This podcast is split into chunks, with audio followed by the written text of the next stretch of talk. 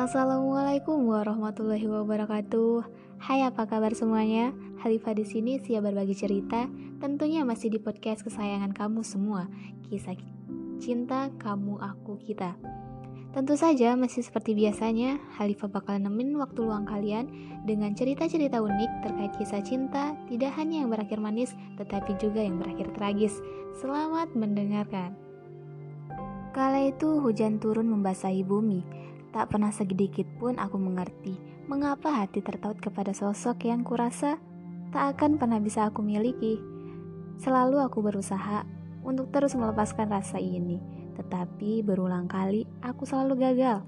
Sore hari, ditemani rintik hujan yang sendu, kulanjutkan langkah menuju kafe tempat aku bersantai dan berdamai dengan diri. Tepat pada pukul 15.00, Aku menyesap secangkir kopi hangat yang menjadi menu favorit di kafe favorit yang selalu aku kunjungi. Tidak ada tempat yang lebih nyaman selain memilih duduk di samping kaca yang langsung mengarah ke jalan raya depan kafe. Rintik hujan yang masih turun membuatku kembali teringat akan sosok orang yang kukagumi.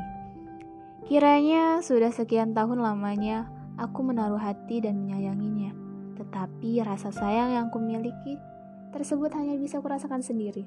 Sakit memang. Mencintai orang yang bahkan tak pernah bisa mencintaiku. Terlebih, ia adalah sahabatku sendiri.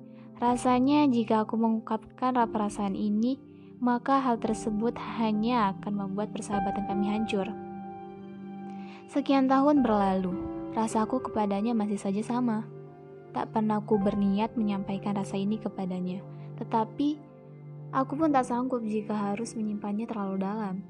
Suatu hari, aku coba memberanikan diri untuk menyampaikan rasa cinta ini. Duduk aku berhadapan dengannya di sebuah kafe favorit kami berdua.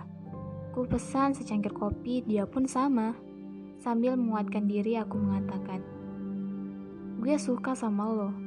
Bahkan, bukan hanya sekedar suka, gue sayang sama lo. Cemas ku menunggu jawabannya. Sampai kata-kata keluar dari mulutnya, terkejut aku ketika mendengar jawaban manis terurai darinya. Ia berkata, sebenarnya gue juga sayang sama lo.